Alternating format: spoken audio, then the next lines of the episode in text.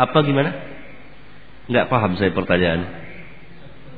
Tinggal di satu tempat. Iya. Iya.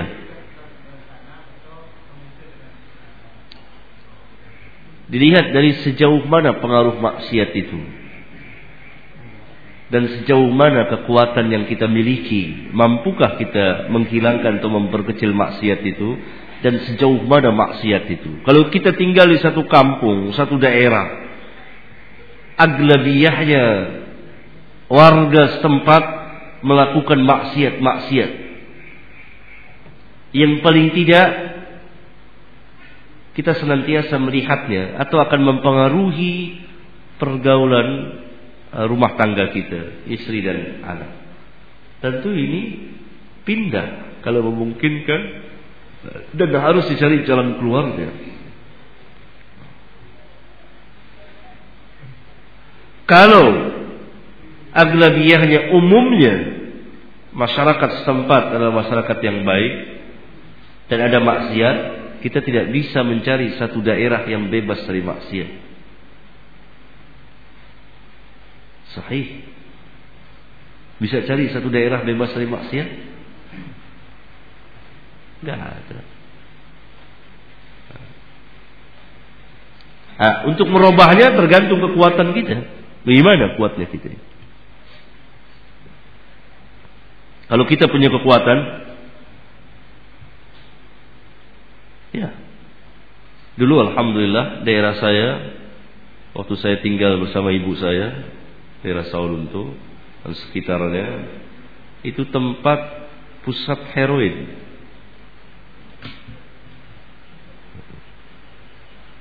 Dan saya waktu itu diangkat sebagai ketua seksi agama.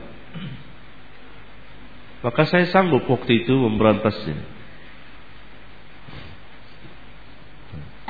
Sehingga daerah itu bisa sedikit-sedikit bebas dari uh, perbuatan seperti itu. Tergantung. Kalau kita punya kekuatan mungkin bisa, itu lebih baik. Tidak.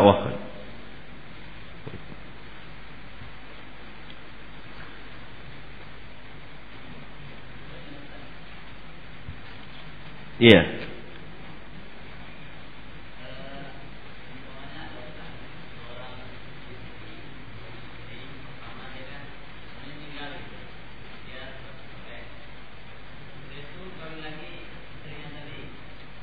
Bagaimana? Ulang. Iya.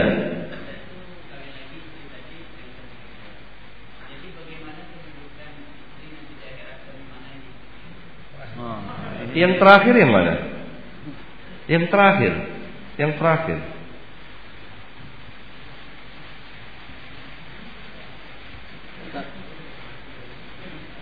Saya seorang ummahat yang sampai saat ini belum siap untuk mengamalkan surat syariat memakai cadar.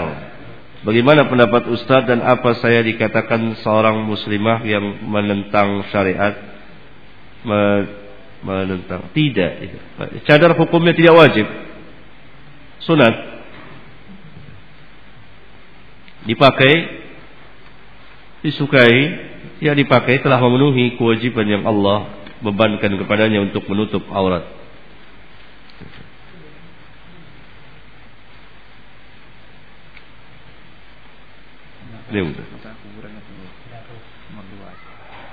Bagaimana sampai di mana bacaan tahajud? Bagaimana hukumnya nikah yang diwakilkan karena jarak berjauhan? Ada tawkil nikah, wakil nikah kuburan Rasulullah SAW di dalam Masjid Nabawi. Padahal kuburan tidak boleh di dalam masjid.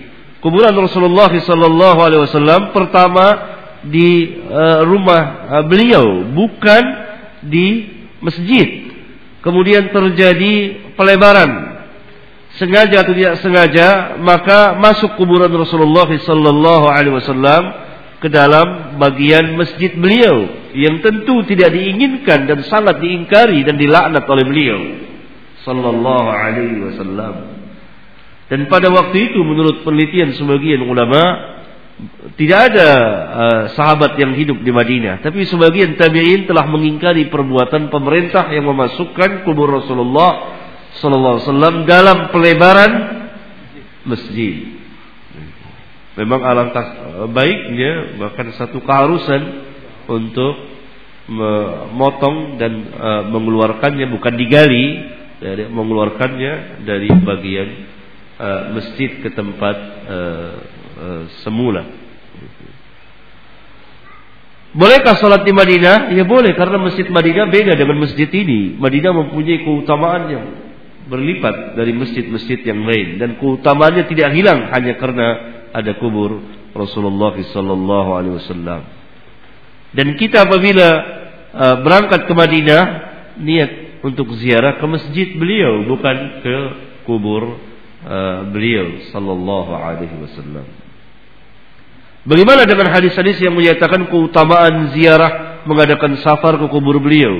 Tidak ada satupun yang sah di antara hadis-hadis tersebut.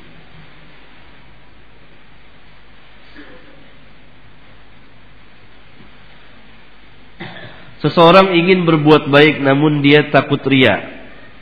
Sedang seseorang yang takut ria apabila berbuat baik uh, sendiri juga disebut uh, ria. Bagaimana dalam dalam hal ini? Takut berbuat baik karena takut disebut uh, uh, uh, ria atau takut terjadi uh, ria pamer, maka ini pada hakikatnya adalah gangguan dari syaitan. Menakut-nakuti agar tidak mengerjakan kebaikan. Kalau seseorang telah melakukan kebaikan, maka diperintah untuk tidak ikhlas karena Allah. Kalau belum dan akan ditakut-takuti. Jangan berbuat kebaikan karena memang niatmu untuk pamer atau takut nanti pamer dan tidak diterima, akhirnya dia meninggalkan kebaikan. Ini pada hakikatnya gangguan dari syaitan. Sebetulnya mudah. Lihat saja kebaikan dikerjakan, kemudian tetap uh, uh, kita berjalan di atas uh, keikhlasan dan contoh Rasulullah sallallahu alaihi wasallam. Masalah cloningnya juga, cloning. Ngerti saya. Ya, ikhwan.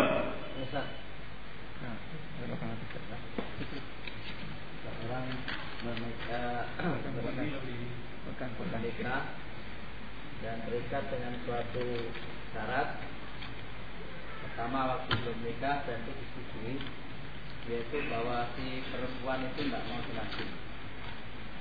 Kemudian pada dalam perjalanannya eh, si laki-laki ini menikah lagi tanpa seizin suami. Ya, apa? Apa gimana hukumnya? Sah. Sah nikahnya. Syarat yang telah disepakati. Bagaimana syaratnya? Ya, saya mau dinikahi tapi saya tidak Dan diterima tapi Uh, terus kalau dia dimadu? Ya. Ya. Iya nggak mau ianya kenapa? Hah? Enggak. Tidak boleh buat perjanjian seperti itu yang Allah telah halalkan. Dan hanya laki-laki yang bodoh yang mau buat perjanjian seperti itu. Kecuali perjanjiannya dengan Rasulullah sallallahu alaihi wasallam.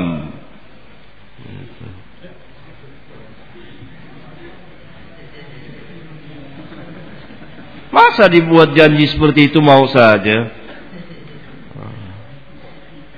Bahkan terbalik. Kalau saya dulu malah terbalik. Kita nikah dan saya akan kawin sampai empat. Pernah saya bilang sama istri saya, tanya saja.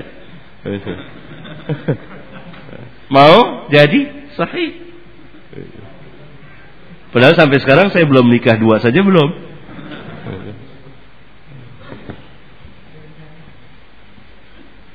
Jadi janji-janji seperti itu justru tidak dibenarkan karena masalah nikah masalah tabi'iyah. Fitrah yang ada pada laki-laki dan tidak bisa dicegah. Hatta sejuta manusia membuat peraturan ini dan itu. Karena Allah telah menetapkan satu peraturan boleh. Boleh. Dan peraturan-peraturan yang seperti ini akan membebani rumah tangga. Biasa saja berjalan. Dan si istri tidak usah khawatir, tidak takut kalau cemburu, ya nggak apa-apa cemburu dalam batas kewajaran. Oh suaminya belum tentu nikah dua tiga empat sahih.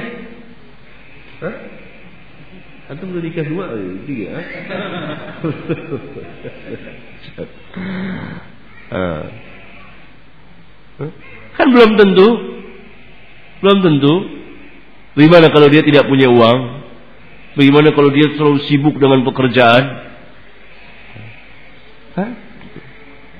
Belum juga tentu, belum. Tidak semuanya, tidak semuanya. Gitu.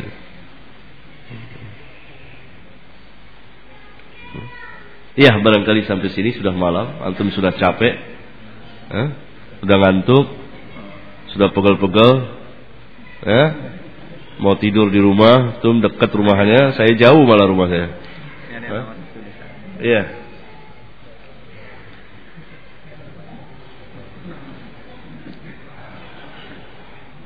Gimana? Ini hak apa? Hukum. Wanita junub lalu dat datang haid. Datang haid. Wajib mandi besar atau tidak? Wajib mandi besar apa tidak? Uh, tidak. Dia uh, terkena haid nanti mandi uh, haid sekalian. Tidak, mandi haidnya. Mandi haidnya nanti. Iya, sampai di sini. سبحانك اللهم وبحمدك نشهد ان لا اله الا انت السلام عليكم ورحمه الله وبركاته